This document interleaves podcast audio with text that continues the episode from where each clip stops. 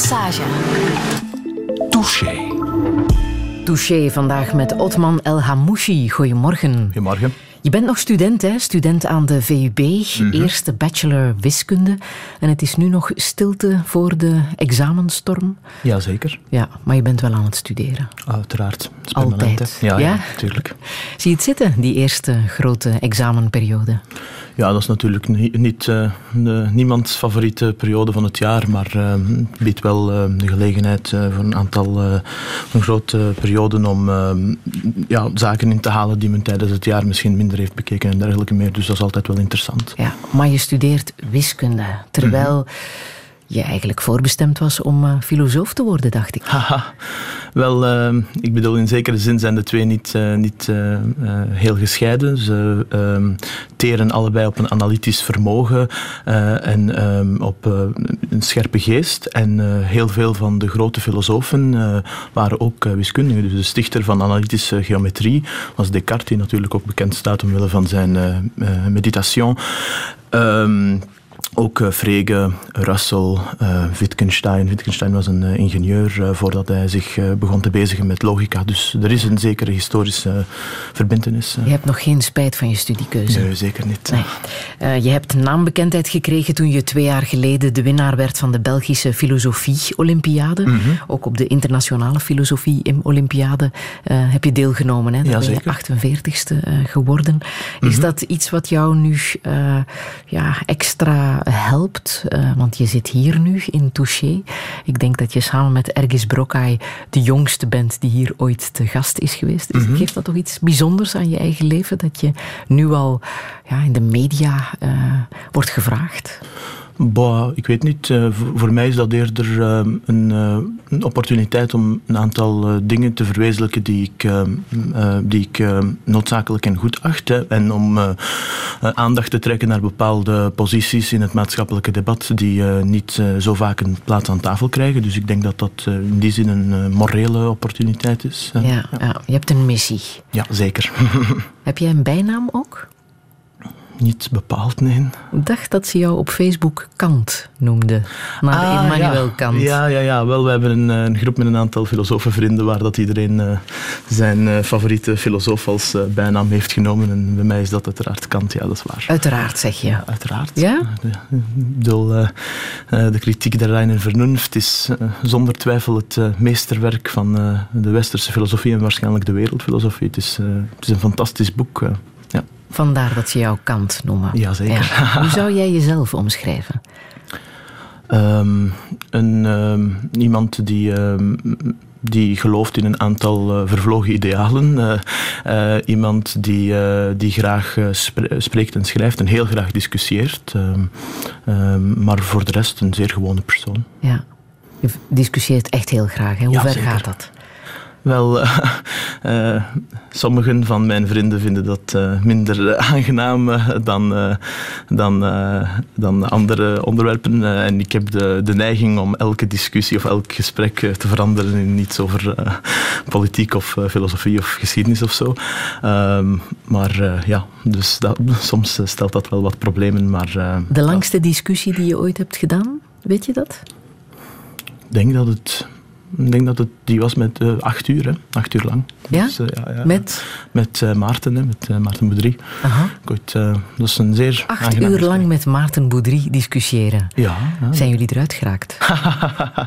dat is, ik denk dat, dat eh, ehm, eh, vraagstukken die eh, 2000 jaar lang niet opgelost zijn geraakt, niet, ook niet op acht uur beslecht zullen worden. Maar het was wel interessant en verrijkend. Ja. Ja, het was een goed begin. Je schrijft ook al opiniestukken hè, voor De Standaard en ook voor eh, ehm, De Opinie. Daar ben je de huisfilosoof. Is dat jouw eigen eh, weblog? Nee, dat is eigenlijk gesticht door een aantal eh, vrienden die dat eh, heel graag ehm, een bepaalde impact wilden. En ze vroegen mij vanwege wat ik al daarvoor had geschreven of ik mee wilde doen. Maar ze hebben dat nu vanwege persoonlijke omstandigheden hebben ze dat even moeten shelven. Ik ben benieuwd wat, wat dat ze daarna zullen doen. ja, maar als je je ei, ei kwijt kan bij de standaard, is het even goed, denk ik. Hè? ja, maar ik ben, ook, ehm, ik ben ook regelmatig enfin, vast medewerker bij uh, Doorbraak. Uh, en ik publiceer ook regelmatig op uh, KNAK. Ja. Dus er is genoeg... Ehm, Interesse. Ja, genoeg, zeker. Otman El Hamouchi, welkom in Touché. Radio 1. 1. Friedel Lassage. Touché.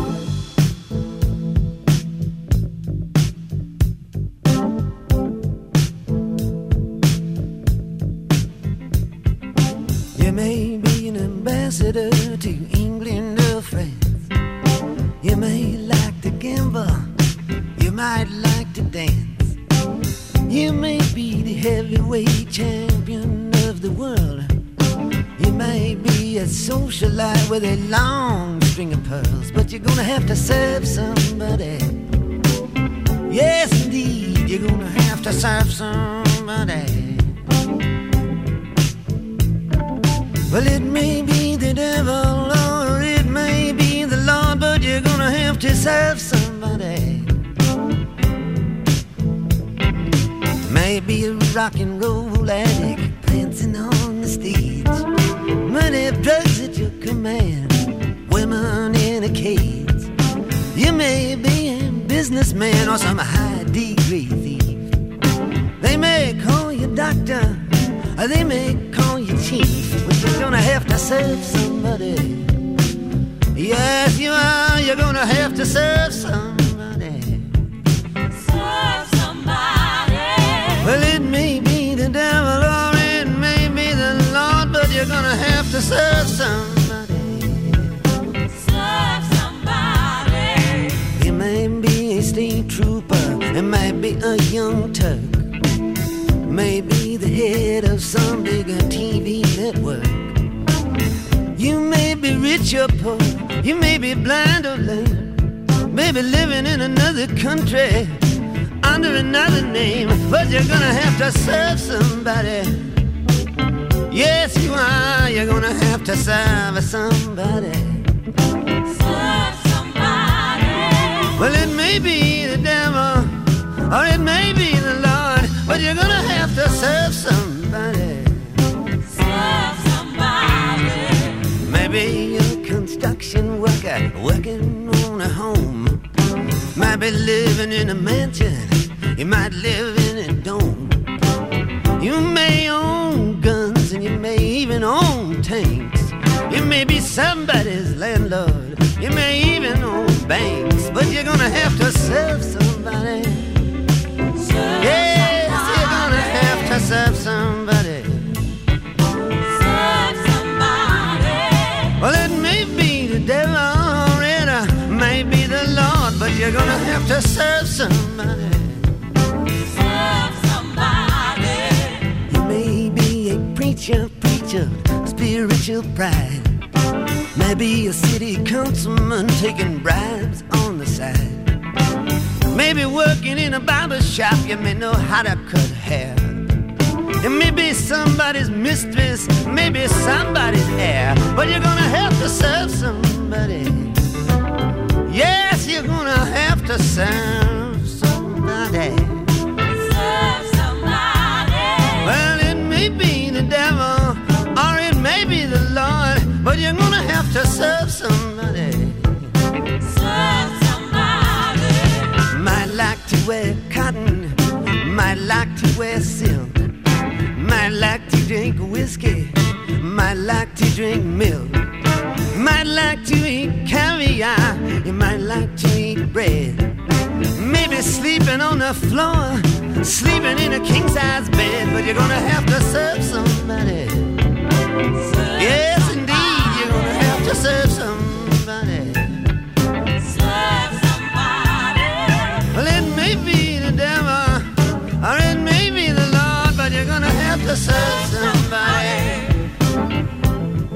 Bob Dylan en Gotta Serve Somebody. Otman El Hamouchi, voor alle duidelijkheid. Ik zeg er even bij dat dit een nummer is dat wij voor jou hebben gekozen. Want van dit soort muziek heb jij geen kennis, zei je zo net. Uh, nee, ik heb sowieso over het algemeen uh, geen kennis van muziek, maar uh, ik, ik ben niet te vinden voor moderne nummers. Nee. Echt waar niet? Nee, nee. Ik, eh, ja, ik, vind, het, eh, ik vind meer ehm, eh, klassieke muziek en een soort van de dingen die, dat, ja, hoe zou ik zeggen, meer een, een, een soort van eh, een theatrale betekenis, een zeer groot, een zeer groot infuus van, van majesteit. Dat, dat, dat lijkt mij. Dat zullen we zo meteen nog eh, horen in deze uh. Nochtans, zijn eh, nummer eh, is niet oninteressant. Hè. Gotta serve somebody. In je leven zal je iemand moeten dienen. Ben je het daarmee eens? eh, als je het eh, filosofisch bekijkt? Zou je iemand moeten... Ja, het hangt er natuurlijk vanaf of dat een, eh, een uitdrukking is van ehm, een, een politiek standpunt of eerder een spiritueel iets. Ik bedoel, in de religieuze zin dienen wij allemaal God natuurlijk, maar... Is dat zo natuurlijk? Wel, de, ehm, de, de religieuze persoon zou argumenteren dat aangezien alles eh, zodanig eh, geschapen is door God, dat, dat het via zijn wetten eh, gefixeerd, of gefixeerde manier opereert, dat we allemaal willens of onwillens deelnemers zijn aan het goddelijke project. Maar uiteraard de mensen die niet in God geloven zullen dat betwisten. ja. Ja. En politiek dienen we ook. Sowieso iemand. Het hangt ervan af wat je bedoelt met dienen. Als, als, als je het hebt over eh, bepaalde machtsstructuren en bepaalde structuren van autoriteit die noodzakelijk zijn voor het, eh, voor het, eh, het opereren en het handhaven van de samenleving, dan zou ik daar ma- mee akkoord gaan. Maar de, de vraag is dan. Dienen die structuren ons of dienen wij die structuren? Of, eh, en, of eh, zijn die structuren ten voordele van de mensen die, die erin vervat zitten of ten voordele van een, een, eh, een bovenklasse? Natuurlijk iemand van een meer linkse of marxistische inclinatie gaat zeggen dat dat allemaal de bourgeoisie is en zo verder, maar het, conservatieve standpunt is dat, dat autoriteitsstructuren noodzakelijk zijn voor, voor het handhaven van beschaafde samenlevingen. Toch niet zo oninteressant om even naar Bob Dylan te luisteren. Dus. Ga je zaterdag trouwens naar de dag van eh, de filosofie in de Krook in Gent? Ehm, ik weet het nog niet zeker. Eh, Ik heb een eh, vriend die daar een toespraak houdt, normaliter. Eh, maar eh, door tijdsnood en dergelijke weet ik niet of ik er ga geraken. Hoe is de interesse voor filosofie bij jou begonnen? Ehm, wel, ehm, ik heb, ben opgevoed eh, in een eh, orthodox religieus gezin en vandaar krijg je een bepaald wereldbeeld mee en een, aantal bepaalde doctrines die, je die je aanvaardt. En eh, naarmate de tijd vordert, eh, begin je je vragen te stellen over de, de, de correctheid van die opvattingen en dergelijke meer.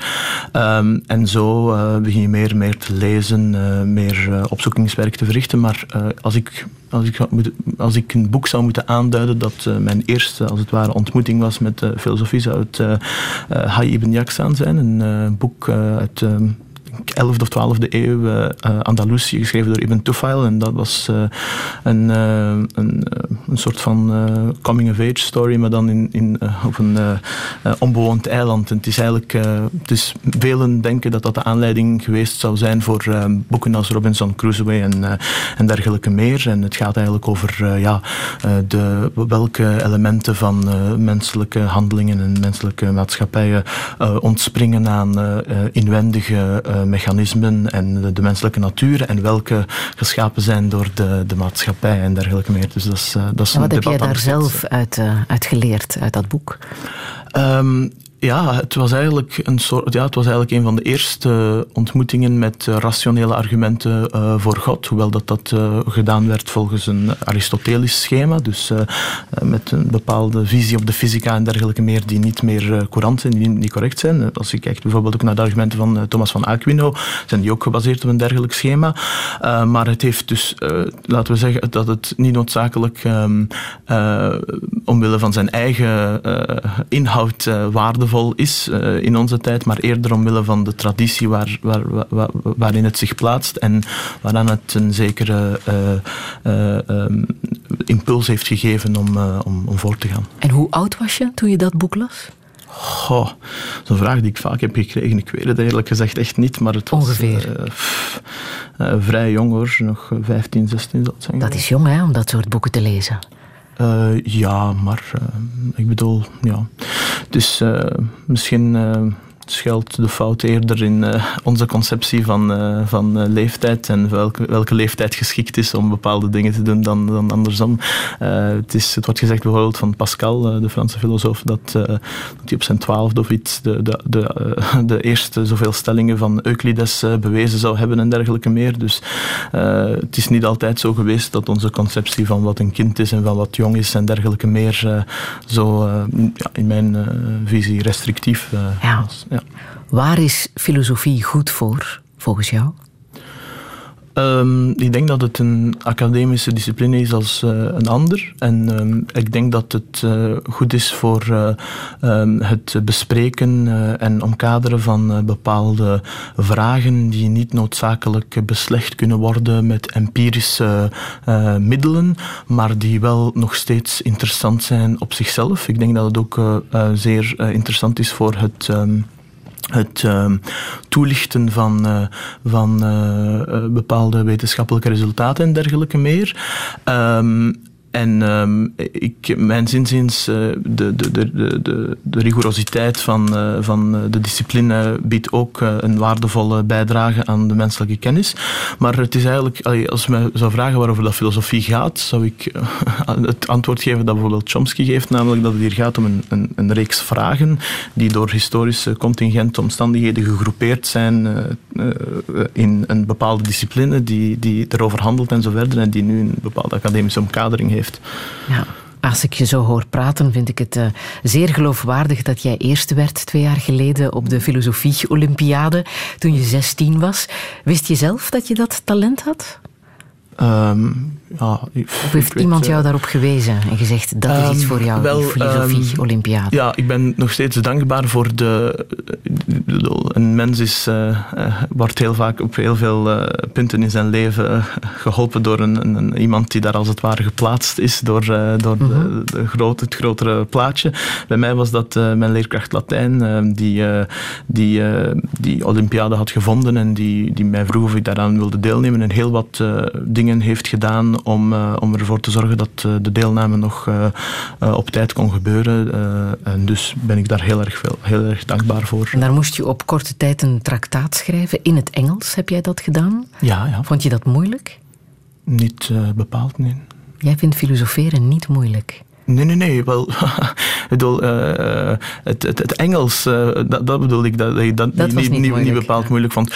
Over de ja, filosofie hangt er natuurlijk vanaf. Het is, het is complex in de zin dat je he- rekening moet houden met heel wat verschillende mogelijkheden. Dus zodra dat je, dus vanuit een soort van globaal perspectief, zijn de problemen van de filosofie, worden die vaak beschouwd als beperkt en zijn die ook beperkt door een aantal wetenschappelijke vooruitgangen. Bijvoorbeeld fysica wordt niet meer echt beschouwd als deel van de filosofie, terwijl dat, dat wel vroeger zo was. Hè. Dus eh, eh, Newton zijn bekende boek was, dat ging over natuurfilosofie, zoals men dat toen noemde.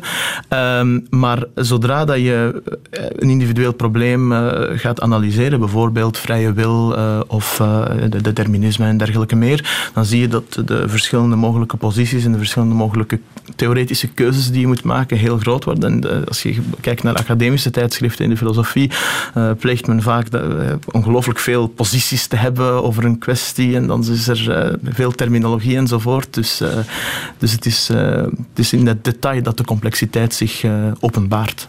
Zaterdag, op de dag van de filosofie in de Krook in Gent, gaan ze discussiëren over verbeelding aan de macht. Dat is de leuze die refereert naar mei 68, dit jaar, 50 jaar geleden. Wat is volgens jou de erfenis van mei 68? Tja, als ehm, eh, sociaal en morele conservatief eh, zie ik dat natuurlijk als een zeer eh, spijtige episode in de, de, de westerse geschiedenis. Ik denk dat Een dat, eh, spijtige episode. Jazeker, ik Ja? denk dat dat, een, dat dat eigenlijk het punt was waarop dat, dat we een ondergang van de traditionele cultuur en de traditionele beschaving meemaken die dat hier gefloreerd hebben. Ondergang van de religie, kerk, terugdringen van traditionele instituties en een, een, een soort van allesvernietigend hedonisme en, en haat tegenover elke machtsstructuur eh, die alles eh, overrompelt. En eh, als een liefhebber van de traditie die daarvoor kwam, vind ik dat uiteraard zeer, zeer spijtig. De mensen, de mei-68ers van toen, waren jouw leeftijd, hè? 18, 20. Die wilden verandering. Wat is er dan veranderd in die 50 jaar dat jij zo hm, het conservatisme aanhangt? Het is een kwestie, in, in deze zin is het een kwestie van waarde. Eigenlijk kan je conservatisme je kan het op twee manieren benaderen. Eh, enerzijds als een, een, een eh, methodologische these, dat, eh, dat samenlevingen een bepaalde rigiditeit vertonen in de manier waarop dat ze veranderen en evolueren. En dat we rekening moeten houden met die, die rigiditeit en met de geschiedenis en, de, en de, de organisch gegroeide cultuur die er is. En dus in die zin zou de, de conservatief volgens deze opvatting, en de, de Burkeaanse conservatief, zou eh, bezwaar hebben tegen de zeer revolutionaire manier waarop dat, eh, het hele gebeuren plaatsvond. Eh, de conservatisme kan ook opgevat worden als een these over bepaalde eh, dingen die moreel wenselijk zijn. En in die zin zou, zou een traditioneel conservatief zoals ik zelf betreuren dat dingen als religie, dingen als, ehm, als traditionele cultuur, als de, de, de, de, de, hoogcultuur die compleet vernietigd werd omdat die niet egalitair was, dergelijke dingen, bepaalde autoriteitsstructuren die zeer mooi en, en handig waren, bepaalde vormen van omgang, al die dingen zijn, eh, zijn verloederd. En eh, vanuit het standpunt van waarde zou de traditionele conservatief zeggen dat hij dat natuurlijk eh, niet, niet aanvaardt of niet leuk vindt.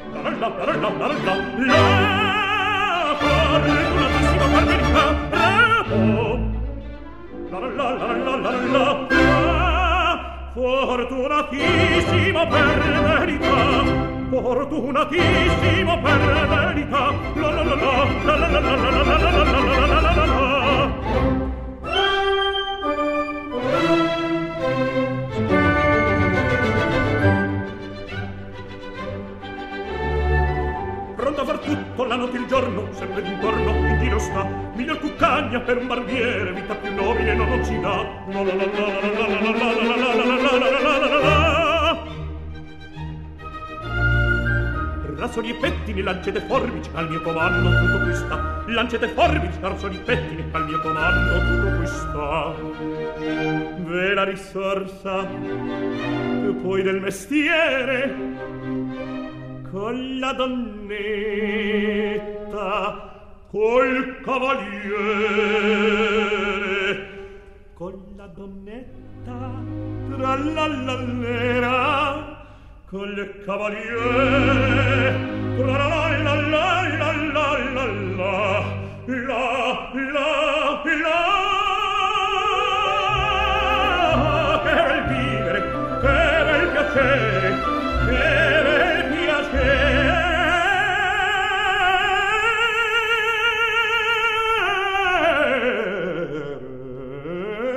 Per un barbiere di qualità, di qualità.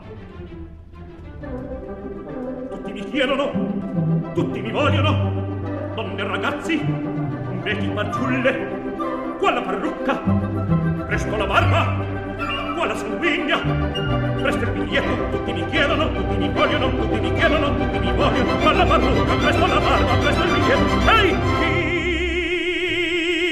Figaro, Figaro, Figaro, Figaro, Figaro, Figaro, Figaro, Figaro, Figaro, Figaro. Ahimè, ahimè, che furia, ahimè, che folla, uno alla volta, per carità, per carità, per carità. Uno alla volta, uno alla volta, uno alla volta, per carità. Figaro, son qua. Ehi, Figaro, son qua qua, Figaro là, Figaro qua, Figaro là, Figaro su, Figaro giù, Figaro su, Figaro giù, da prontissimo sono come il fulmine, come il fantasma, nella città, nella città, nella città, nella città, nella città,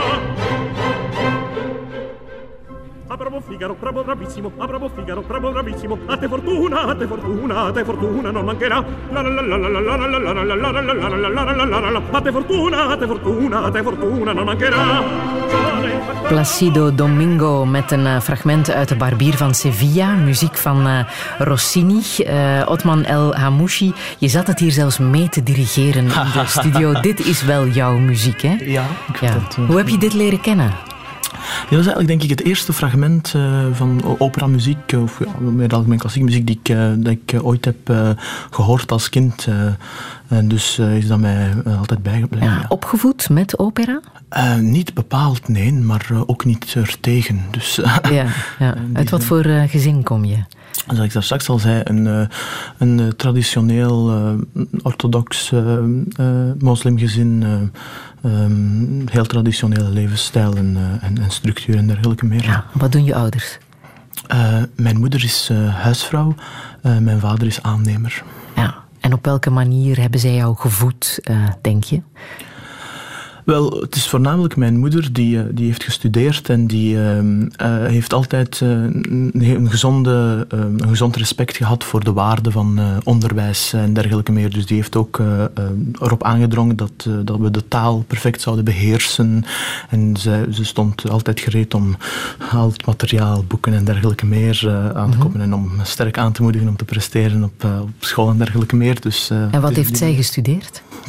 Eh, iets, eh, bedrijfsbeleid en beheer, iets in die aard, ja. Ja, ja. En jouw vader? Eh, mijn vader heeft eh, geen hogere studies gedaan. Nee. Ja. Maar je komt wel uit een universitaire familie, las ik ergens. Is dat zo?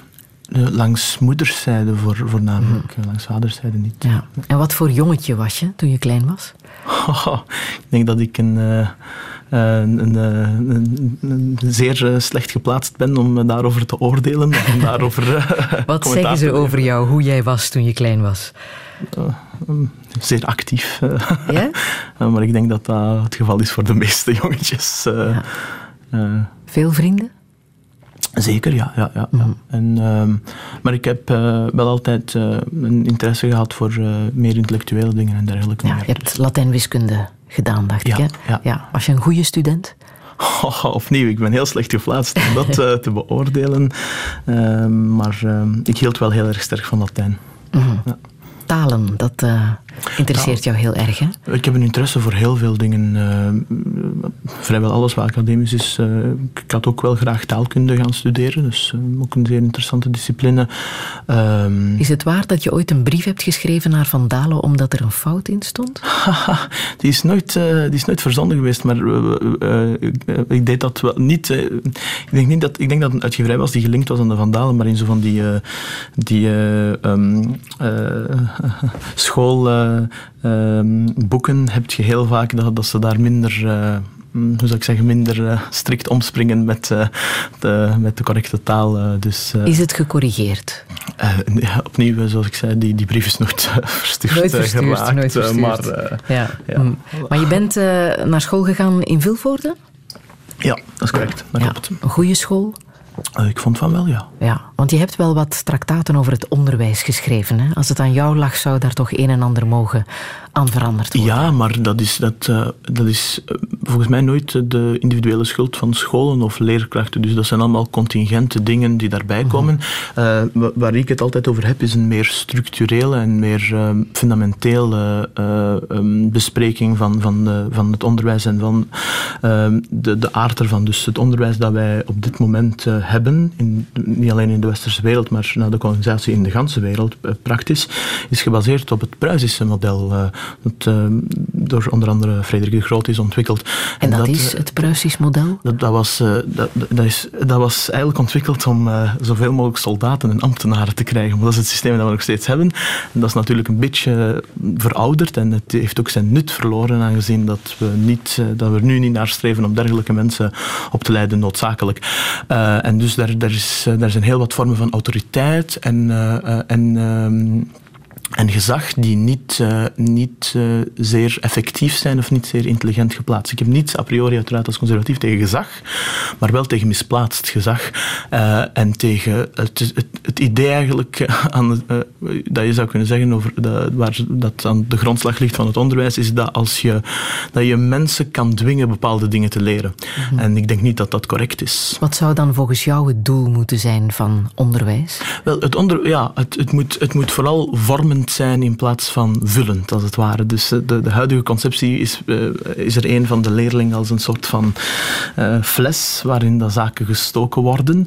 Terwijl uh, mijns inziens dat een verkeerde conceptie is van de, de beste pedagogische strategie en dat je eigenlijk meer moet denken over de leerling als een, als een blok klei dat gevormd kan worden en dat dus dat er altijd een zekere contributie is van, van het materiaal waarmee dat je werkt, maar ook van de vormende omgeving. Maar dus dat is, uh, die, het vormende effect uh, geschiet volgens bepaalde uh, gefixeerde patronen en een, soort van, een, een, soort van gedwongen autoritaire um, um, aanpak van, van de zaak. En hoe heb jij jouw school ervaren? Als vormend of als vullend? ik zeg het, de, de, het ganse schoolsysteem in de het grootste deel van de ontwikkelde wereld is daarop gebaseerd. Dus inderdaad. Maar nee, dat is niet de individuele uh, misdaad of verdiensten van, uh, van leerkrachten en dergelijke meer. Ik ben een heel grote uh, fan en, en, en, en ik steun heel sterk uh, leerkrachten en hun, uh, en hun omstandigheden. Ik denk dat ze heel vaak um, um, zeer slecht uh, worden um, gerepresenteerd in de, in de, media en dergelijke meer. Ja, ja, ja, of, of in, ook in de populaire, in de populaire verbeelding als mensen die, uh, die veel vakantie hebben en eigenlijk niet weinig doen. Terwijl ik denk dat leerkrachten zeer belangrijk, dat we eigenlijk heel dankbaar zouden mogen zijn aan leerkrachten wegens hun vormende, vormend effect.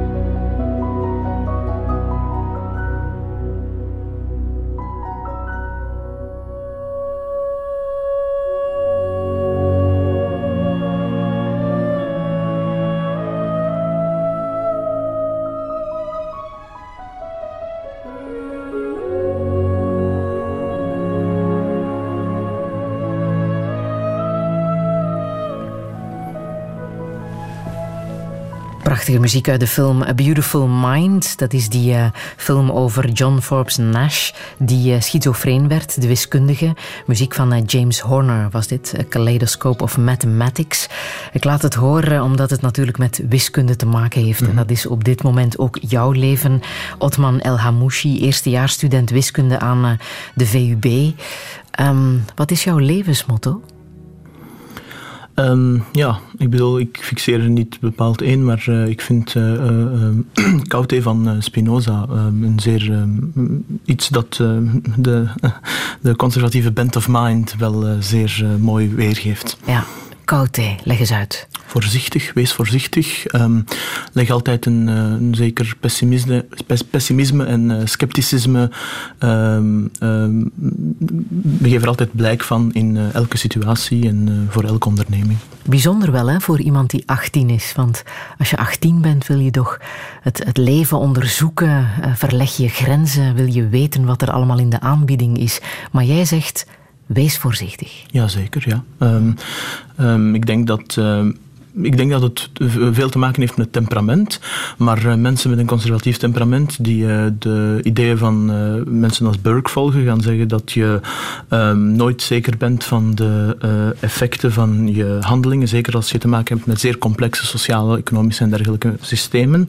En dus dat de ongewenste effecten op termijn kunnen opstapelen. En dus dat je zeer voorzichtig moet zijn met het introduceren, zowel in je eigen leven als in het leven van, van de natie als het ware, van uh, uh, veranderingen. Hoe conservatief ben jij in je uh, concrete leven? hoe ver gaat dat bij jou? Je zit hier bijvoorbeeld strak in het pak. Hè, met, ah ja, ja, wel ja. Qua das. kledij zeker, ja, ja. Qua kledij. Uh, vind je belangrijk? Ja, ja, dat vind ik wel. Uh, ah. ja, ik denk dat dat een. Uh, um, dat dat deel uitmaakt van een beschaving die dat ik zeer graag wil trachten te handhaven. De manier ook waarop je mij mailde. Hè. We hebben wat gecorrespondeerd natuurlijk voorafgaand aan dit gesprek. Eindig je met de diepste hoogachting. Niemand heeft mij ooit zo aangesproken. Wel ja, uh, een beetje beleefdheid en, uh, en manieren en een zekere vorm, vorm van omgang, die ik wel dat zeer belangrijk is. Mis je dat op dit moment? Ik moet zeggen van wel, ja. Ik ja? denk dat dat steeds minder en minder courant is geworden. Meer directe manieren, zeer utilitaristisch van, van elkaar aan te spreken en met elkaar om te gaan. En die Wat is daar mis mee? Omdat ik denk dat uh, het leven niet noodzakelijk alleen maar draait om het bereiken van bepaalde dingen of om het, of het verkrijgen. Dit, we, spreken, iedereen is eigenlijk een, Marx uh, waarschuwt hier ook al voor, iedereen is eigenlijk een mini-kapitalist geworden, niet alleen in zijn economische manier van handelen, maar ook in zijn sociale leven. Dus iedereen spreekt alleen maar omwille van puur utilitaristische redenen. Ik, ik moet dit verkrijgen. Dus ik, ik, heb dat heel vaak dat als ik mensen bijvoorbeeld wijs op stijl of taal dat ze mij zeggen, maar je begrijpt het toch. Dan denk je van, ja, maar het is niet alleen, taal is er niet alleen om te communiceren of om elkaar te begrijpen, maar ook om een zekere vorm van leven en een zekere uh, vorm van omgang te bewaren. Ja, maar het helpt ook wel om het vertrouwen te versterken, denk ik, als je een natuurlijke omgang, een, een heel losse omgang met elkaar hebt. Nee?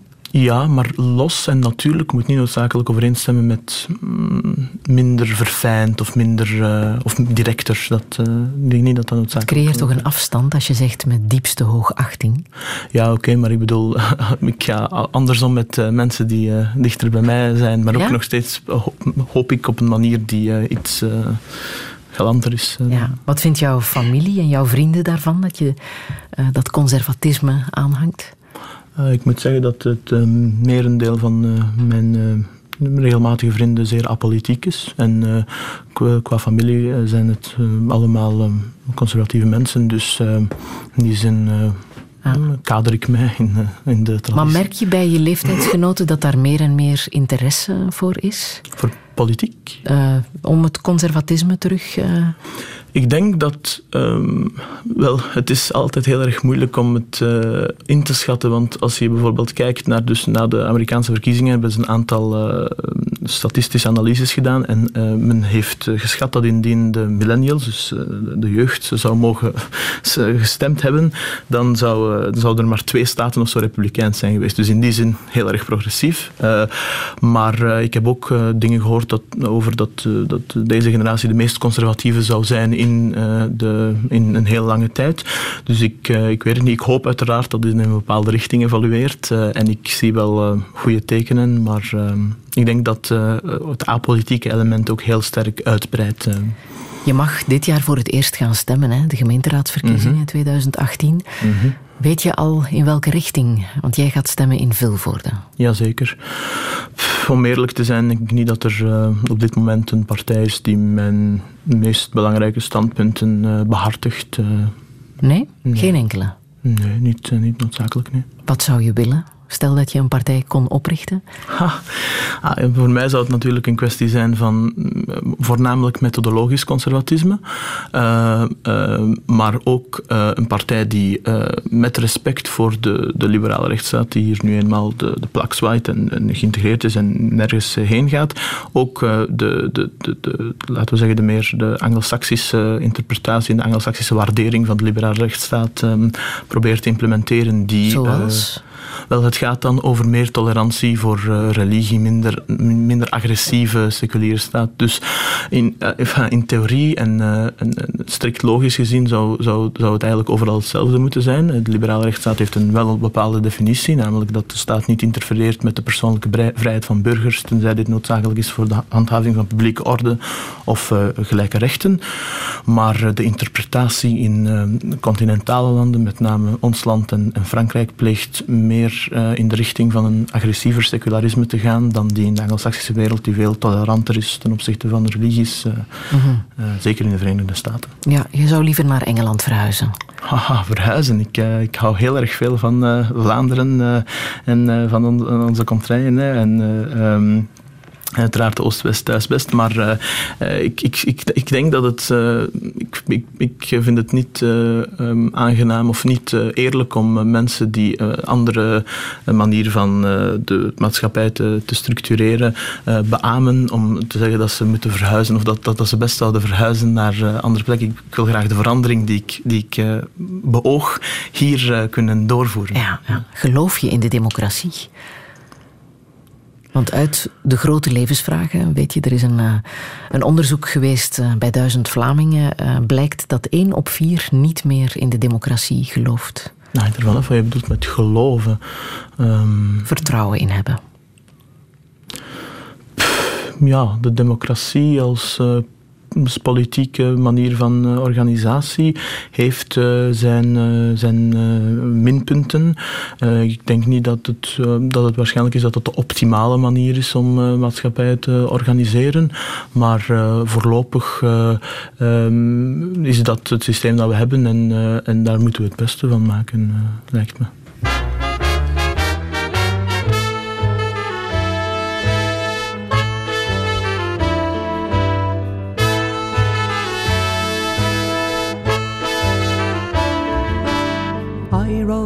Out on a bright May morning like a hero in a song. Looking for a place called England, trying to find where I belong. Couldn't find the old flood meadow or the house that I once knew. No trace of that little river or the garden where I grew.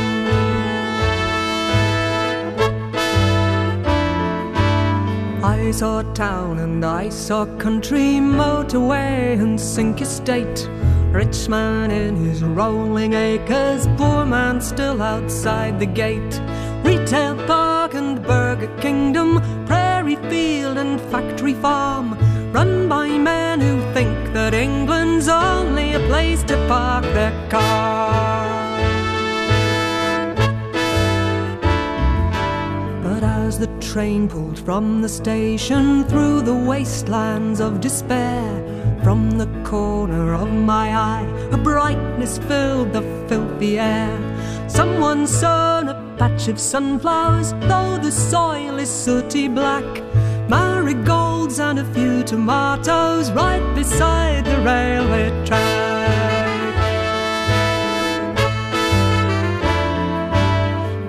Behind the terraced houses, in between the concrete towers, compost heaps and scarlet runners, secret gardens full of flowers. Lita grows her scented roses right beneath the big jet's path. Bit of fortune for her garden, Eileen turns away and laughs.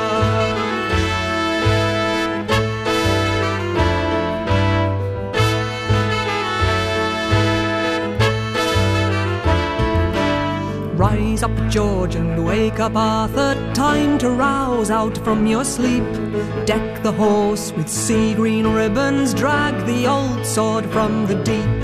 Hold the line for Dave and Daniel as they tunnel through the clay. While the oak in all its glory soaks up sun for one more day.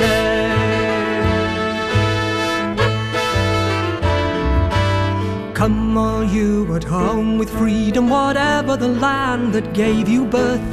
There's room for you, both root and branch, as long as you love the English earth. Room for vole and room for orchid, room for all to grow and thrive. Just less room for the fat landowner on his ass in his four-wheel drive.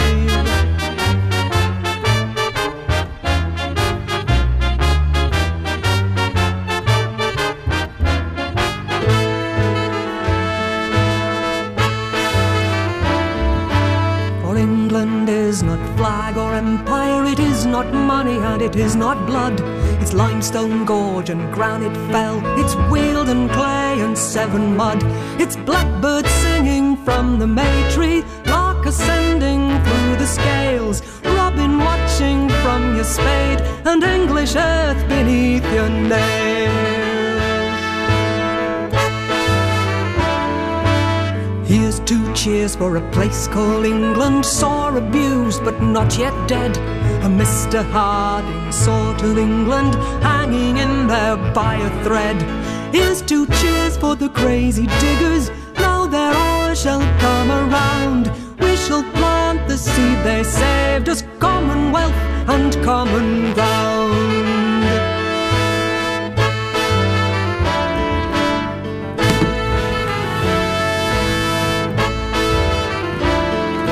De Britse folkzangeres June Tabor. Ze is eh, zo net 70 geworden met haar ode aan eh, Engeland, A Place Called England. Otman El Hamouchi, eh, Engeland. Hè. Een ode, dat zal jij niet misplaatst vinden hier in deze dossier. Wat doe jij om je hoofd leeg te maken? Want jij leest zoveel. Ik weet niet of het noodzakelijk is om je hoofd leeg te maken. Nee? Eh, ehm, je kan luchtiger, luchtigere dingen lezen. ehm, Doe jij aan sport? ehm, minder en minder. En wat deed, deed je dan? Eh, vroeger eh, deed ik wel nog eh, veel gezegd, gevechtsporten. Ik heb ook ooit nog geturnd, lang geleden. Is het echt? Ja, Ja? zeker. Ja. Ja. Maar daar heb je geen tijd meer voor? ja, zeker. Dat is, tijdsnood is, is de nagel aan mijn doodskist. Want je leest te veel. ja, en met ehm, veel te schrijven ook en dergelijke meer ehm, is dat eh, een beetje problematisch. Ja. Wat is het absolute boek uit jouw bibliotheek? Eén boek, als je er één boek mag uit redden. Welk is dat dan?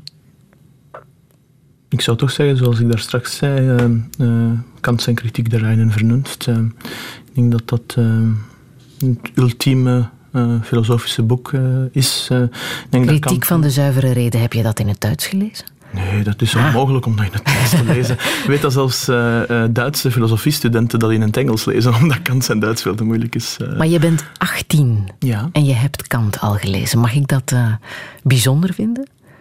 Mm, pff, ik weet niet. ehm, ehm, Alexander de Grote heeft het Perzische Achaemenidische Rijk veroverd op zijn 23ste. Ik denk niet dat dat een grote verwezenlijking is in de grand scheme of things. Mm, ja, er zijn uitzonderingen op de regel, dat is waar. Wat heb jij gelezen om je te informeren over dat eh, sociaal conservatisme? Hoe ben je daartoe gekomen?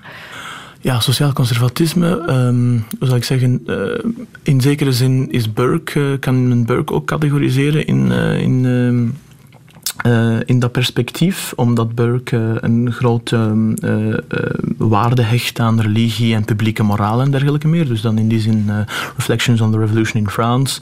En, ehm, Dat is een Ierse filosoof, politicus, hè, 18e eh, eeuw. ja, ja, ja. eh, ehm, uiteraard ook de meer moderne mens, eh, conservatieven die vaak nog wat sociaal-conservatieve trekken hebben, zoals Scruton, zoals eh, Peter Hitchens, eh, heel bekende sociaal-conservatief uit het Verenigd Koninkrijk. Mhm. Welke ook- stelling verdedigt hij bijvoorbeeld, Peter Hitchens? Ja, Peter Hitchens Dat eh, jij is eh, eh, interessant vindt? Wel, dus een beetje zoals ik, dat, dat het allemaal veel... Ja, hij, hij gaat daar tegen protesteren, maar in essentie zegt hij dat het allemaal veel beter was in de jaren 50 en dergelijke meer. dat we eigenlijk een, een soort van een, een erfenis hebben verlaten en vernietigd die, de, die, die zeer mooi was en dat dan zeer betreurenswaardig iets is, Mhm. Ga je naar de film? af en toe. Mhm. Want je houdt van comedy, hè? Ehm, ja, ehm, stand-up comedy vind ik. eh, is een beetje mijn guilty pleasure. eh, Ja. Wie, eh, wie vind je goed? Goh, veel mensen, eh, ik bedoel, hoe zou ik zeggen, het is een guilty pleasure omdat die mensen vaak nogal wat ongepast taalgebruik aan, de, aan de dag plegen te, te, te leggen. Maar ik vind Alex Zegni bijvoorbeeld heel erg grappig. in mindere mate ook ehm, eh, buitenlandse eh, figuren, maar eh, vooral Vlaamse comedie vind ik heel mooi. Ja, ja. Zoals de buitenlanders, als je daarnaar kijkt. Over wie heb je dan?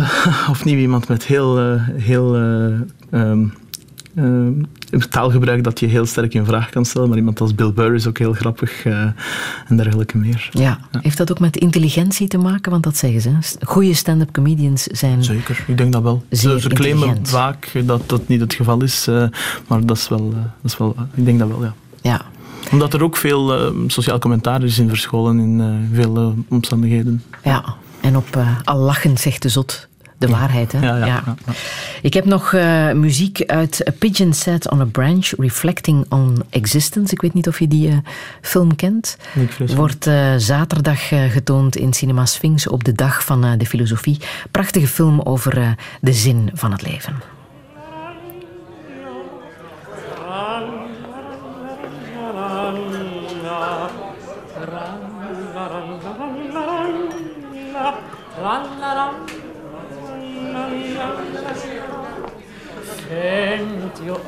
kostar supen 50 öre kostar supen 50 öre kostar supen Upp och hämta Lottas krog i Göteborg.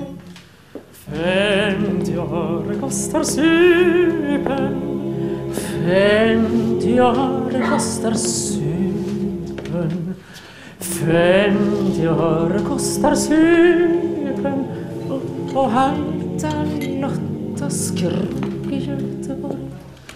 Trallarallarallalla, trallarallarallalla, trallarallarallalla, trallarallarallalla. Vi som inga pengar hava Vi som inga pengar hava Var med skola vi betala Upp på Halta Lottas krog i Göteborg. Var med skola vi betala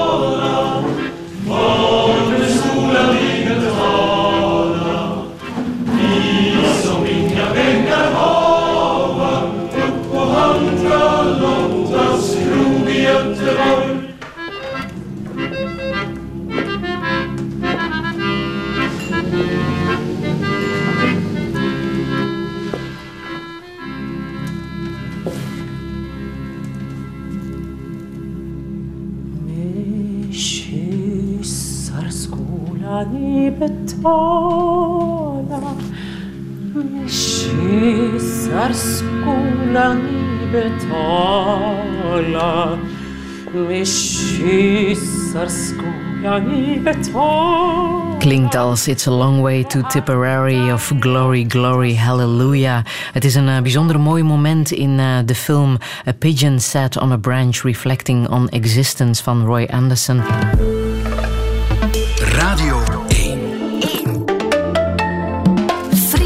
Friedel Lassage.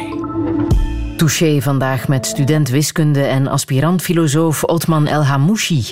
18 is hij, woont bij zijn ouders in Vilvoorde, waar hij zijn boekenkast met hoogstaande literatuur vult, zoals Edmund Burke en Immanuel Kant. Twee jaar geleden was hij de slimste op de filosofie-olympiade. Sindsdien wordt hij regelmatig naar zijn mening gevraagd. En die is sociaal en modern conservatief. Hij is een volger van Edmund Burke, zoals ik zei, en ook van Peter Hitchens. Hij mag Etienne zeggen tegen meneer Al houdt hij het liever bij de beleefdheidsvorm en signeert hij zijn mails met de diepste hoogachting. Maar hoe moet het verder in deze wereld vol verandering? Dit is Touché met Otman El Hamouchi. Goedemiddag.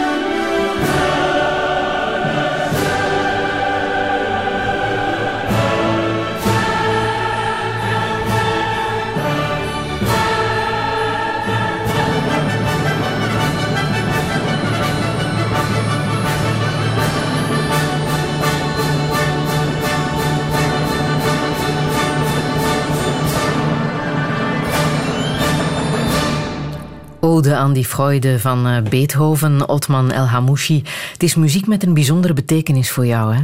Ja, dus ehm, ik, ehm, ik heb er eigenlijk een gewoonte van gemaakt, eh, wat lang geleden, om, eh, om ehm, altijd die, die negende symfonie te beluisteren en met de, de Ode aan die Freude als, als koningindestuk, eh, wanneer ik filosofische boeken las. Dus dat Dan helpt dat dat? heeft een- ja, en het is, ja, het is, het is daarmee eh, eh, verk- eh, verknocht geraakt en vervlochten. Dus, Ja. voilà. Sinds eh, 1985 is het ook het officieel volkslied van de Europese Unie. Voel jij je Europeaan? Wel ja, dat, dat hangt natuurlijk af van wat je ermee bedoelt. Ik voel me niet deel van een Europees volk, want ik denk niet dat dat bestaat, maar in de zin dat, eh, dat ik dat, dat, ik denk dat ik, eh, dat ik en eh, alle Vlamingen deel uitmaken van een, een westerse, een Europese in een bredere zin beschaving. Denk ik wel dat dat, dat, het geval is. Ja. Waarom zeg je dat Europa niet bestaat voor jou? Ja, het Waarom? bestaat wel, maar het is geen eh, volk. Er is geen Europees volk, dat er ook geen Europese taal is. Er is geen, eh, er is geen gedeelde geschiedenis in de zin dat, dat we... allee, de- Europa heeft zichzelf natuurlijk heel vaak eh, met zichzelf gevochten en dergelijke meer. En dat is niet... is, je kan niet spreken van een mm, eengemaakte actor in de, in de geschiedenis. Hoe doet Europa het volgens jou op dit moment?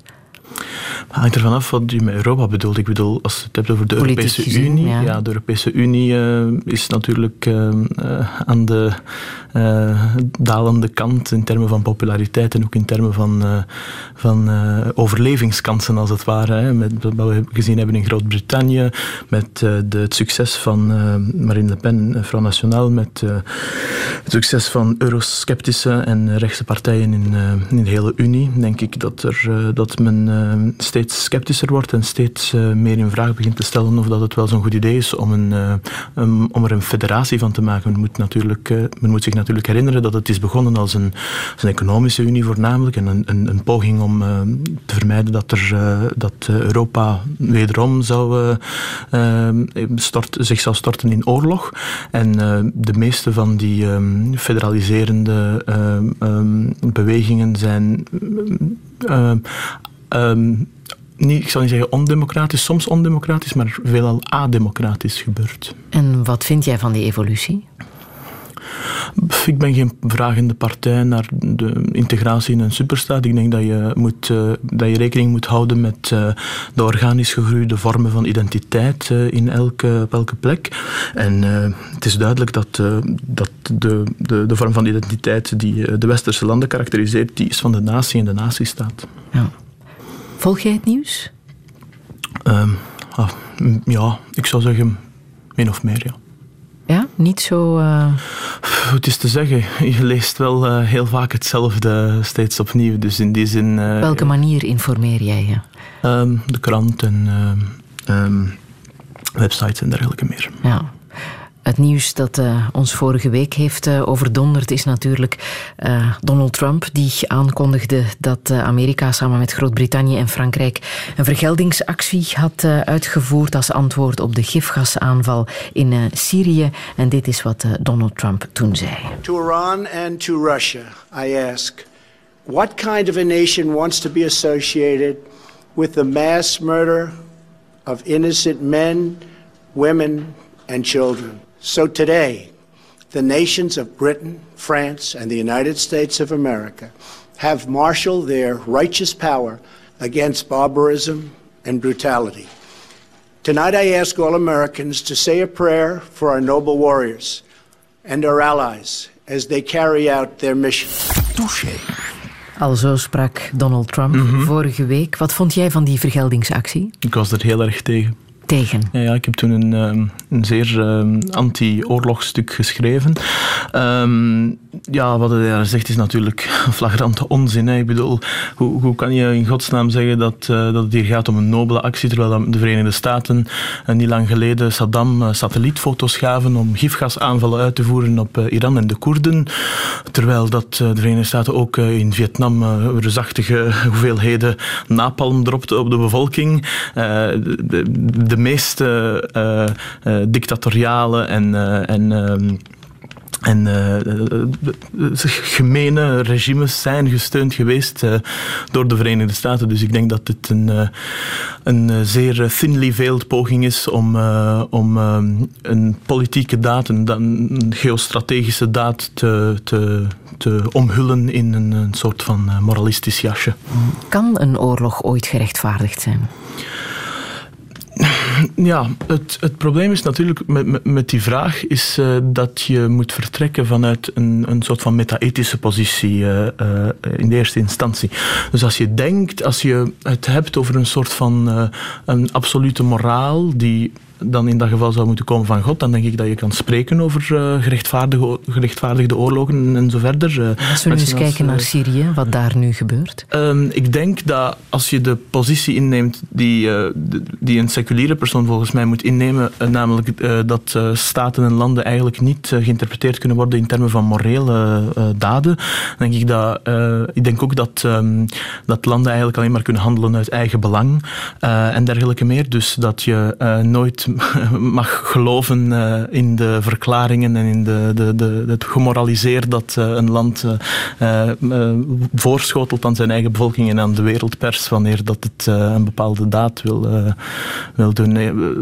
Ja, ik ga nu weer al iemand die vrij onpopulair is aanhalen, Chomsky, die zegt dat het wel zeer verbazingwekkend zou zijn indien de Verenigde Staten het enige land in de wereldgeschiedenis zou zijn dat ooit uit altruïstische motieven heeft gehandeld. Als wij het hebben over de geschiedenis, ook in een schoolse context, dan verklaren wij de daden van eh, landen en vorsten altijd in termen van hun eigen belang. En dan ineens, als we aankomen bij de moderne fenomenen, dan, eh, dan hebben we het over altruïsme en mensenrechten en zo verder. Ik denk dat, dat, eh, dat iedereen die daar twee seconden over nadenkt, eh, dat kan doorprikken.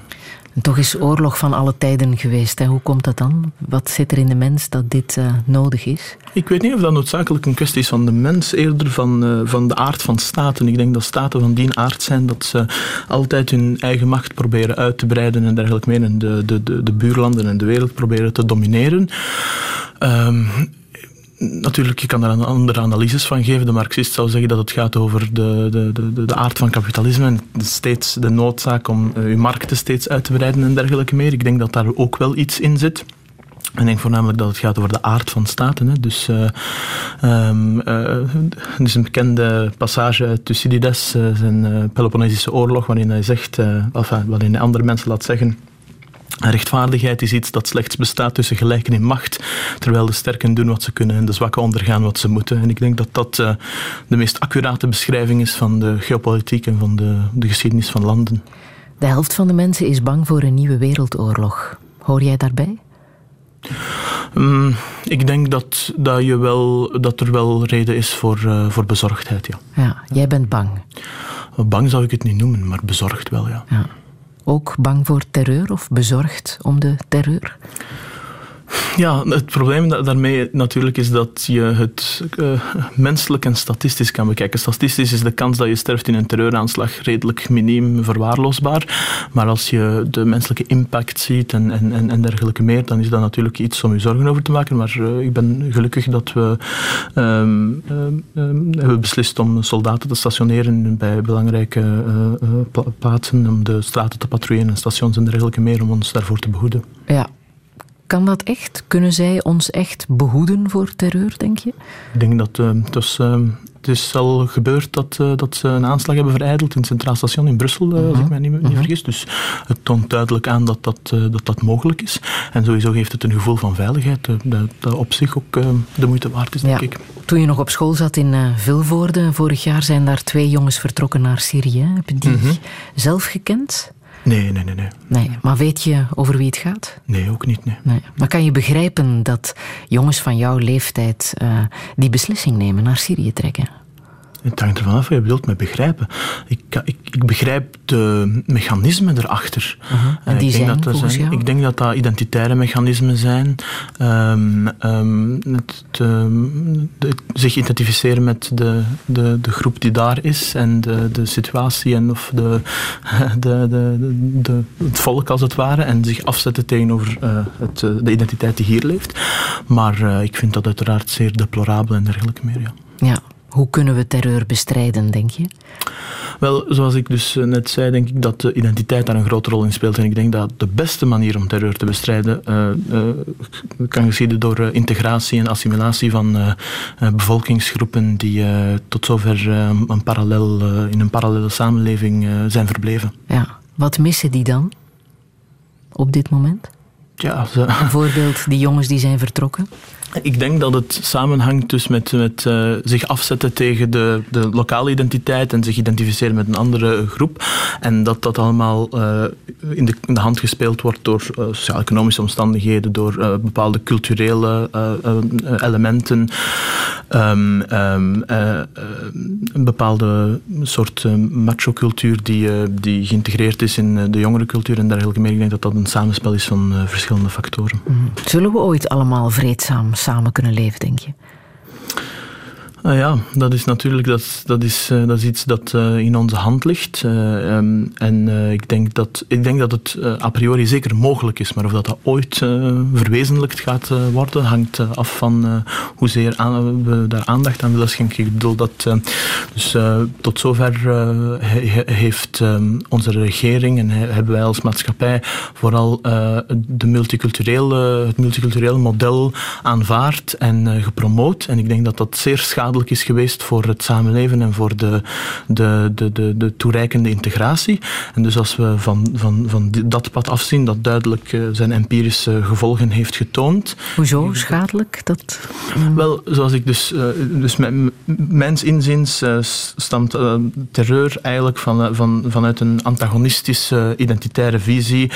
Elke identiteit is altijd ten dele opgebouwd in afzetting tot een andere identiteit. Bijvoorbeeld is een groot deel van, van van het Ier zijn dat je geen Engelsman bent. Ik denk dat dat geldt voor alle identiteiten. En die afzetting gaat zich dan transformeren in ehm, conflicten, geweld en, en dergelijke meer. Dus door een gezamenlijke identiteit te hebben, wat het multiculturalisme natuurlijk niet eh, doet, eh, door een gezamenlijke identiteit te hebben, kan je die problemen allemaal oplossen. En waarom doet het multiculturalisme dat niet? Omdat je, omdat je, er, enfin, omdat je ges- eh, de staatsstructuren aanwendt om eh, verschillende culturen te handhaven die uiteraard dan verschillende identiteiten hebben en dus naast elkaar gaan leven.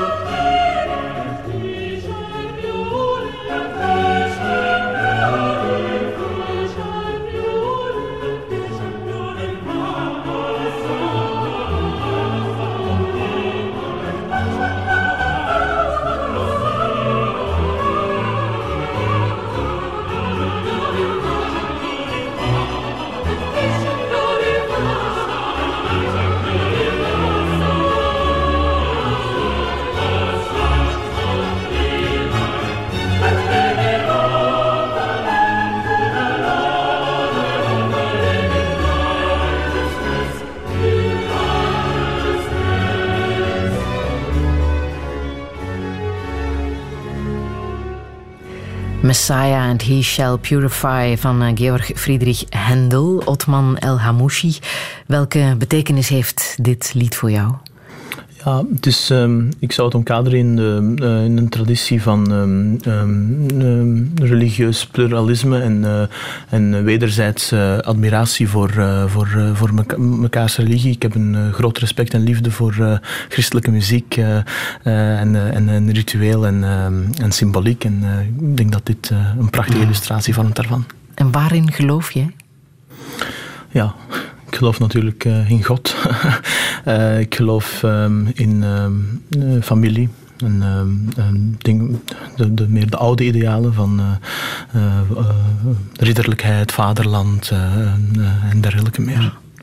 Misschien is een interessantere vraag. Waarom geloof jij? In God? Niet waarin je gelooft, maar waarom je gelooft. Waarom ik geloof in iets? Ja? Omdat ik denk dat je in, in iets moet geloven om te kunnen. Eh, moraliteit is altijd gebaseerd op, eh, op dingen waaraan je waarde toekent. En op basis daarvan kan je je handelingen oriënteren en structureren. Dus, Kan je dat alleen maar vinden in religie? eh, nee, de dingen als ja, een natie en vaderland, eh, eh, gezin, familie, dergelijke dingen kunnen ook zeer eh, zingevend zijn. Ja. Ja. Maar ik denk eh, spijtig genoeg dat onze huidige maatschappij door de, de, de, de, de postmoderne idealen die, die erin zegevieren, elke, ehm, elke vorm van collectieve zingeving heeft verlaten in naam van een soort van ideaal van persoonlijke vrijheid dat hij in feite zeer leeg is en, en eh, ik denk ook niet bepaald vervullend voor, eh, voor eh, de mensen. Is dat zo? Is persoonlijke vrijheid leegheid? Een persoonlijke vrijheid zonder.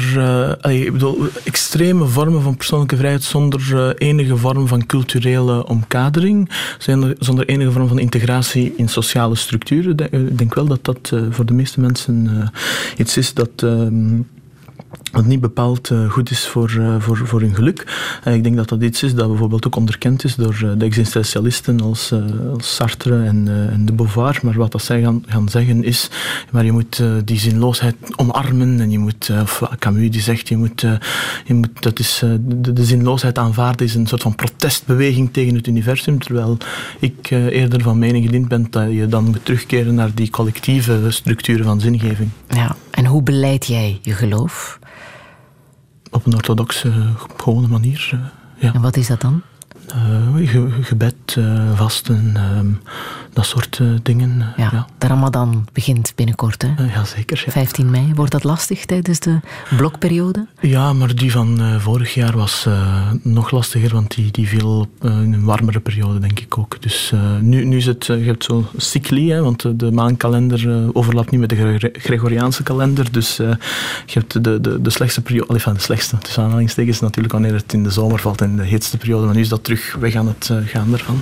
Ja, maar toch kortere nachten, hè? Ja. ja. Wat betekent dat echt, de Ramadan, voor jou? En, eh, ja, het is natuurlijk een heilige maand, dus een periode van bezinning en een periode van, eh, van reflectie en dergelijke meer. En het is ook de, de, de, het observeren van een bepaald eh, religieus ritueel. en ik denk dat rituelen zeer belangrijk zijn voor, voor een vervuld leven. Mhm. Mhm. Welke persoonlijke rituelen heb jij? Ah, ehm, ik weet zeker dat ik bepaalde particulariteiten heb, die, eh, eh, maar ik zou niet direct weten eh, welke, welke dat zouden zijn. Heb je de Koran gelezen? Ja, ja maar dat, dat, dat doe je natuurlijk heel gefragmenteerd. Hè. Het, is, eh, geen, het is geen boek dat je leest op een avond als een roman of, of zoiets. Heb jij kritiek, commentaar op de Koran? Zijn er dingen eh, Kritiek, eh, die je niet begrijpt? Ik denk, ik denk dat ik zeer misplaatst ben, eh, mis- misplaatst ben om daar kritiek op te leveren. Ik denk dat dat gedaan, of aan kritiek, ik denk dat commentaar en, en, en, en ehm, verklaringen dergelijke meer gedaan moet worden door schriftgeleerden. En ik denk dat een, een groot aandeel van de problematiek die dat we in onze tijd ervaren in de moslimwereld komt van, van de verspreiding van een soort van protestants principe van eh, eigen oordeel en, en zelf de zaken lezen en zelf beoordelen. Terwijl dat, dat vroeger gedaan werd door mensen die kennis van zaken hadden. Je moet een heel grote traditie meester zijn vooraleer dat je eh, kan beginnen eh, bepaalde zaken te begrijpen of uit te leggen. En men is dat, men is dat kwijt. Ook van het, de mensen die, die men noemt- ja, ze noemen zichzelf islamkritisch, die, die gaan altijd kritiek leveren of commentaar leveren eh, ehm, vanuit hun eh, onmiddellijke lezing van de Koran of van bepaalde geschriften, terwijl dat, dat ik eerder zou zeggen dat je een veel bredere traditie eh, moet hebben die dat omkadert. Je moet kennis hebben van grammatica, logica, van structuren van islamitisch recht, hè, zoals analogie en, en, en, en lokale tradities. Dat zijn allemaal heel bepaalde manieren waarop, waar, waarop dat je bepaalde dingen semantisch moet interpreteren en dergelijke. Dat is heel complex. Dus ik zie, zou geen enkele andere rechtstraditie op die manier benaderen eh, door gewoon dingen te lezen. De- je moet daar een bepaalde opleiding voor hebben. Bestaat de hemel? Ja, ik denk van wel natuurlijk. Ja. Hoe ziet die eruit? Ja, hoe zal ik zeggen? Wij zijn natuurlijk, eh, dat is ook een punt dat eh, Kant maakt, dat is het principiële punt dat hij maakt, is dat wij eh, in onze cognitieve structuren worden belemmerd door een bepaalde a priori gefixeerdheid. We kunnen de wereld maar op een wel bepaalde manier aanschouwen, namelijk in ruimte en tijd. Dat zijn volgens Kant, en ik denk dat hij gelijk heeft, dat zijn geen dingen die, die inherent zijn aan de buitenwereld, maar een contributie van de menselijke geest en zijn cognitieve structuren. Dus in die zin denk ik dat als we een beschrijving aan willen geven van de hemel, dat dat in ruimte en tijd gaan moeten zijn. En dat, dat, ik denk niet dat eh, de hemel zich in ruimte en tijd bevindt en dergelijke meer. Dus ik, eh, U was van de week heel erg eh, geraakt door het jongetje dat aan de paus vroeg of zijn atheïstische vader nu in de hemel Mhm. is. Wat raakte jou daar zo aan? ja, uiteraard eh, de reactie van de paus, die eh, ehm, eh, sommige meer eh, behoudensgezinde elementen in de kerk zouden kunnen zeggen dat hij ingaat tegen een bepaalde traditie en dergelijke meer, maar hij doet dat toch uit barmhartigheid en, en die reactie en, en daar enorm respect voor een kind dat zo jong is. En dus er gaat gewoon een soort van aura uit van de paus dat je, dat je heel moeilijk kan... Ze eh, vielen elkaar in de armen. Hè? ja, ja, ja, Ja. dat is heel erg mooi om, eh, om te zien. eh. Mhm. Bestaat de hel als de hemel bestaat? Eh, ja, ja, Ah, ja. Hoe ziet die eruit? Opnieuw, eh, geen ruimte, geen tijd, dus ik, eh, ik kan daar heel weinig eh, commentaar over leveren.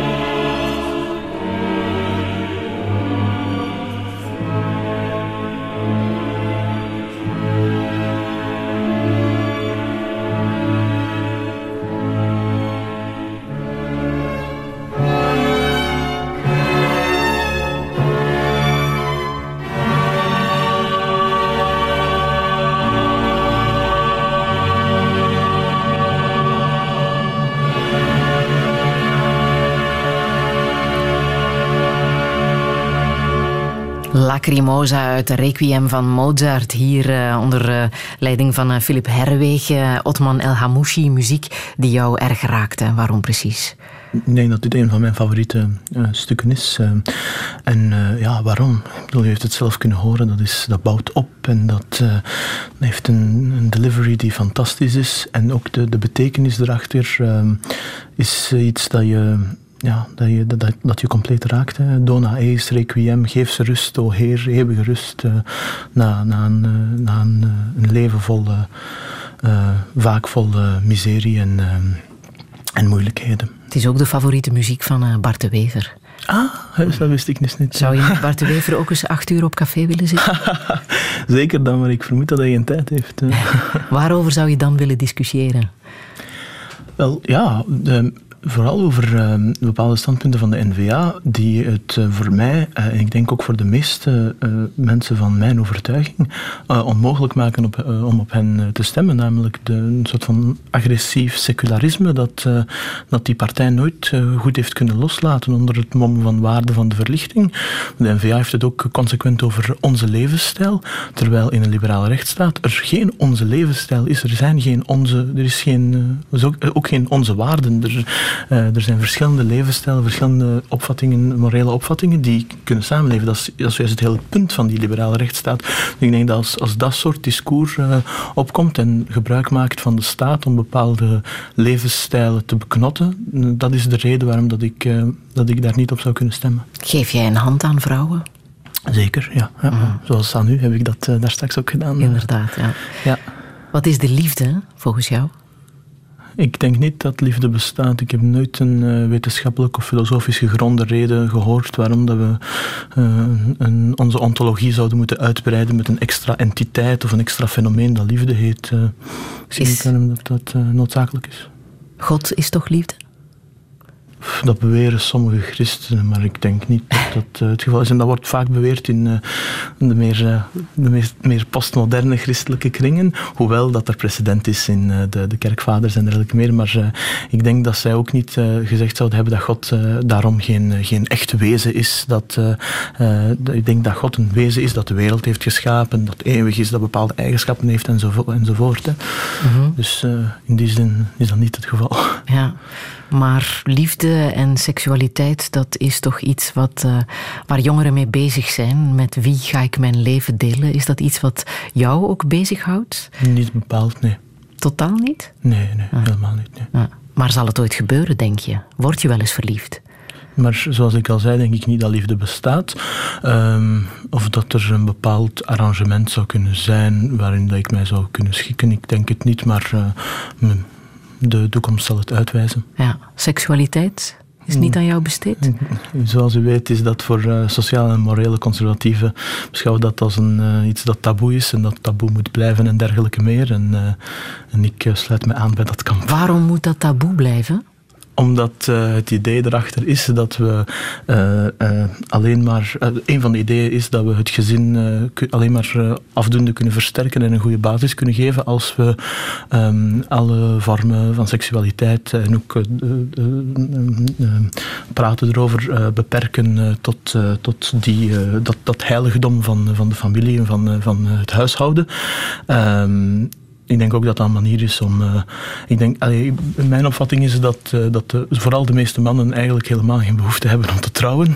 En dus dat je eh, bepaalde maatregelen moet nemen als maatschappij om ervoor te zorgen dat ze, dat ze toch gedwongen zijn om zich te vestigen en aan te sluiten bij iemand voor het leven en dergelijke meer. Waarom zijn wij hier op aarde? Om ons voor te planten? Wa- waarom? Ja, uiteraard. De, het religieuze antwoord daarop is dat, eh, dat wij eh, eh, de, ja, van, vanaf van religie tot religie. De christenen gaat zeggen dat wij gevallen zijn en, en wij dit stadium moeten doorleven om, om eh, ehm, ehm, re- redemption te krijgen, als het ware. Ik, denk, ik denk dat het islamitische standpunt is dat we ehm, hier zijn als regenten van, van God en dat wij uiteindelijk een, een soort van een, een spirituele eh, uitdaging is die dat we moeten doorleven om onze ziel te zuiveren voor een, eh, een, een, een hiernamaals dat eh, eeuwig durend zal zijn. Ja. Wil jij kinderen? Niet bepaald op dit stadium, nee. Zeer tijdrovend, ook zeer, vraagt zeer veel geld en dergelijke meer. Dus. Ja. Hoe sta jij tegenover homoseksualiteit?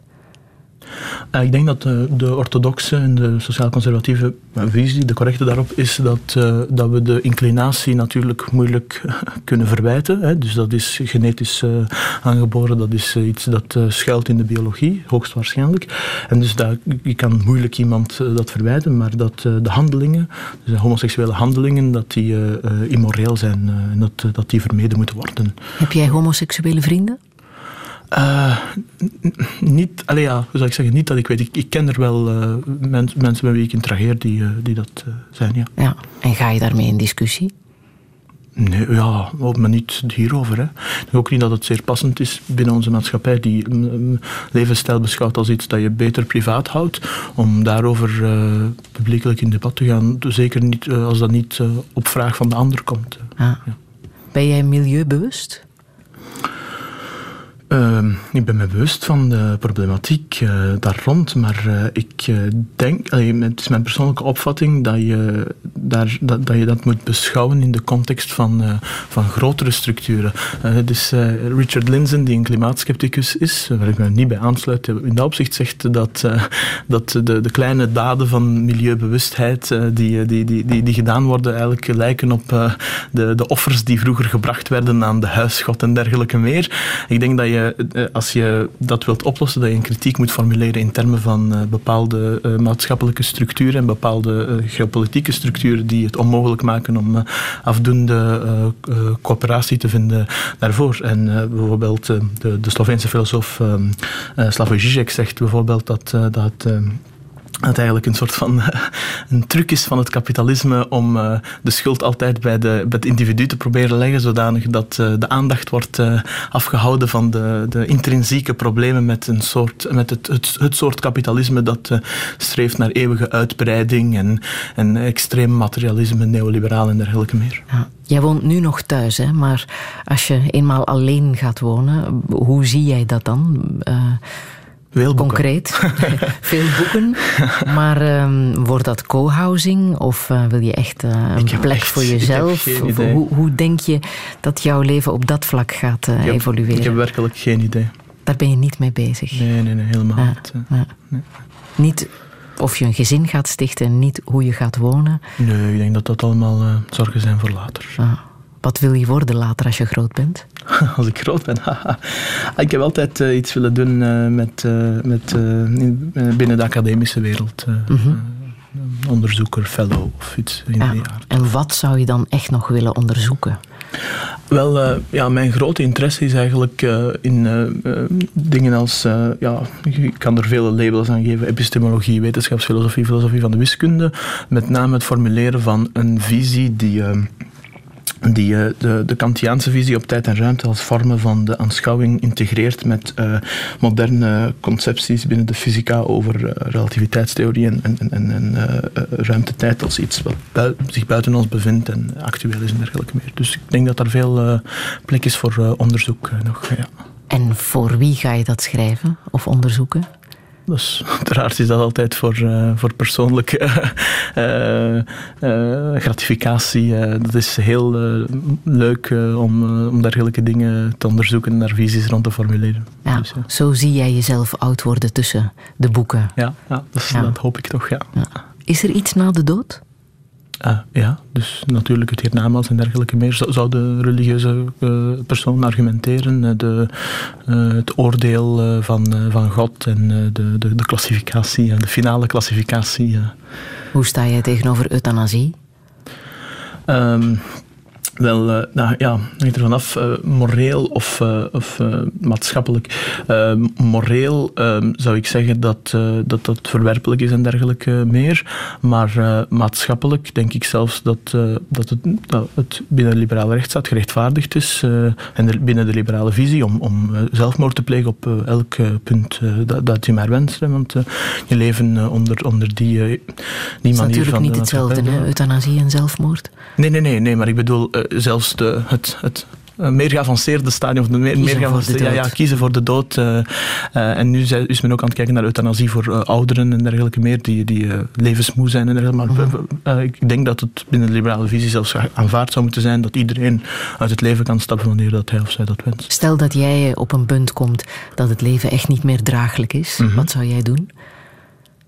Ik denk dat eh, dingen als eh, eh, spirituele retraite en, en, en gebed en dergelijke meer je van die, uit, uit die situatie kunnen helpen. spreken met, met mensen die daarvoor voor gekwalificeerd zijn. Ja. Ja? Ja, ja. Hm.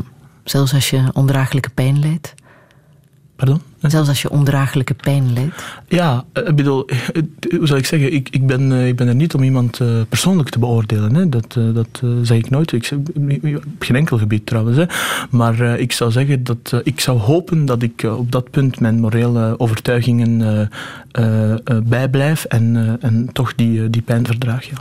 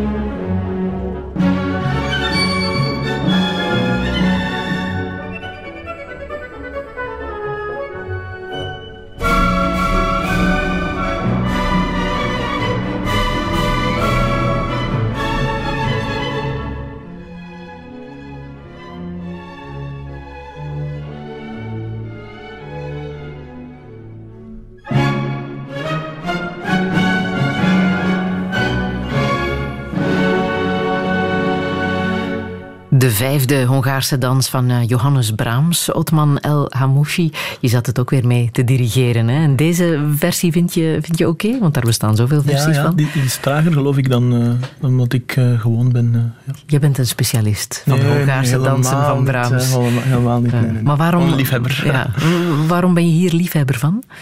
Het is een, eh, ik heb altijd een heel eh, aardig, eh, een, eh, vrolijk opgewekt eh, deuntje gevonden. eh. Ja. Ja. Maar ik denk dat er weinig leeftijdsgenoten van jou zijn die, eh, die mee zouden dirigeren. Ja, spijtig genoeg wel, ja. ja. Ja? Maar eh, opnieuw, ik denk dat dat de kader valt binnen een zekere culturele achteruitgang, dat die dingen niet meer worden doorgegeven en zo verder. En ik vind dat toch wel zeer betreurenswaardig, aangezien dat, dat deze cultuur een van de grote verwezenlijkingen is van de menselijke soort. ja. Je hebt een jongere zus, hè? Ja, Ja. Houdt zij ook van eh, deze muziek? nee, nee, veel minder hoor. Ja, ja, Ja? minder. Wat is haar muziekkeuze? Goh, ik weet het niet. eh, veel modern en zo, daar hou ik mij niet mee bezig. Nee. En de deuren van de kamers blijven goed Ja, op slot. zeker, zeker dat. Zeker. Zeg, deze zomer word je 19, hè? Mhm. Ja. Hoe ga je dat vieren? Mm, ik vier eh, niet zo sterk mijn verjaardag waarschijnlijk. ehm, ehm, iets gaan drinken met een aantal vrienden en dergelijke. Ja. Wat drink jij dan? Water, Fanta, zo'n dingen. Drink je alcohol? Nee, nee, helemaal niet. eh. Nee. nee, nee. Roken doe je ook niet? Nee, nee, natuurlijk niet. Nee, nee. Tuurlijk niet. Dat zijn allemaal eh, dus, religieuze verboden op, hè, dus eh, ik volg dat allemaal heel nauwgezet. Ja. Ja. Hm. Ja. Wat zou jij echt nog willen in het leven? Ik weet niet hoe ik op die vraag moet antwoorden. ja, ik, zie- ik, ik begrijp niet wat u bedoelt. Nee? Nee. Je hebt nog een heel leven voor je. Ja, ik wil graag eh, dus de, de missie eh, vervullen die, die dat ik eh, aan het begin had geschetst. om een bepaalde positie, een bepaalde plaats te geven in het debat en, en te versterken. Ik denk dat als ik daar in slaag, eh, dat, dat dat al een hele, hele goede zaak is. Mhm. Wil je een stem in het, bad, eh, het debat hoe religie in het onderwijs moet evolueren? Ja, ja, zeker. Ik heb daar ook een aantal dingen over geschreven en dergelijke meer. Ehm, ik denk dat religie zeer belangrijk is in het onderwijs um, om die liberale rechtsstaat correct te kunnen toepassen, aangezien dat, dat ik denk dat scholen een, een, een plicht hebben, teleologisch gezien, om, om eh, eh, een zekere moraal te onderwijzen, de morele vorming te geven aan kinderen. Maar de aard van die morele vorming hangt natuurlijk af van de levensstijl die dat ze eh, verkiezen. Eh, of ja, in dat geval, in het geval van kinderen, de levensstijl van hun ouders, die, die dat ze aan hen willen doorgeven. En dus, eh, en dus moet religie daar zijn om die, eh, die taak te vervullen. Wat vind je als, eh, van een vak als eh, levensbeschouwing? Is dat een goed idee? Wel, mijn, ik, mijn grote schrik daarbij is dat dat, ehm, dat, dat verwatert of dat dat verwordt tot een, een, seculier, eh, een, soort van seculiere trompet om bepaalde eh, ideeën te doen. Dus professor Loobuik stelt eh daar vaak lef voor en hij garandeert iedereen dat, eh, dat dat is. Als ik daar een blik op zou eh, mogen werpen en als we bijvoorbeeld eh, eh, niet alleen argumenten eh, tegen het bestaan van God, maar ook eh, dat eh, eh, eh, intelligente mensen een compilatie zouden kunnen maken voor argumenten voor God en dat die al, al, allebei de zaken gepresenteerd werden aan alle leerlingen, dan zou ik daar geen enkel probleem mee hebben, want ik heb natuurlijk vertrouwen dat mijn wereldvisie eh, eh, gegrond is, eh, wetenschappelijk en filosofisch gezien. Maar als, dat niet, eh, als die voorwaarde niet wordt vervuld, dan denk ik dat dat gewoon een, een trompet gaat worden voor één bepaalde wereldvisie. Ik zie niet waarom dat, dat gerechtvaardigd zou zijn. Mhm. Wat Patrick Loobuik ook zegt, is dat religie iets marginaals zal worden hè, op termijn. Wat denk jij?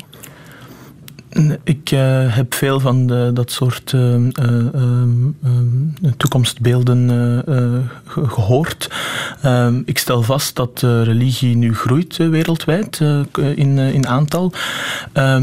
Of dat het in de toekomst gaat verwateren, ik, ik, ik voel me wel ehm, aangetrokken tot het standpunt dat religie iets eh, inherent is eh, aan, eh, aan de menselijke natuur. Ehm, eh, maar ik, ik hoop vooral dat dat niet zal gebeuren. En ik, als ik daar een stokje voor kan steken, als het ware, zal ik, eh, zal ik mijn uiterste best doen eh, daarvoor. Mm, Ik denk dat je boodschap duidelijk is. ik heb nog eh, prachtige muziek van eh, Henrik Wieniawski, eh, een Poolse componist. eh, hier gespeeld door Isaac Perman. Ah ja, ja dat is een prachtige versie. Ha ha ha!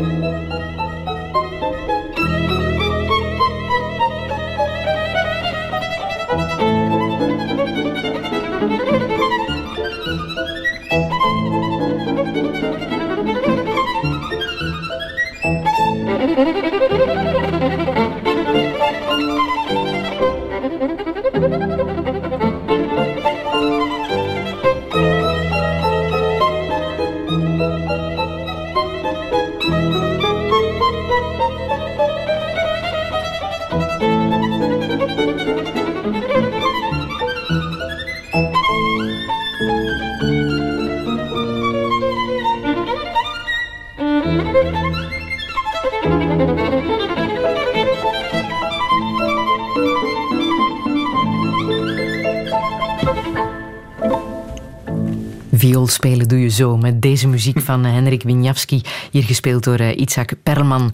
Ik wil jou bedanken, Otman El Hamouchi, voor, Dank voor deze, de uitnodiging. eh, voor dit gesprek. Alle info is na te lezen op radio1.be. Volgende zondag zitten we live in het MSK in Gent met kunstenaar Patrick van Kakenberg en met muziek van Anne Lee. De zaal zit ondertussen afgeladen vol, maar luisteren kan natuurlijk altijd. Radio 1. Altijd benieuwd.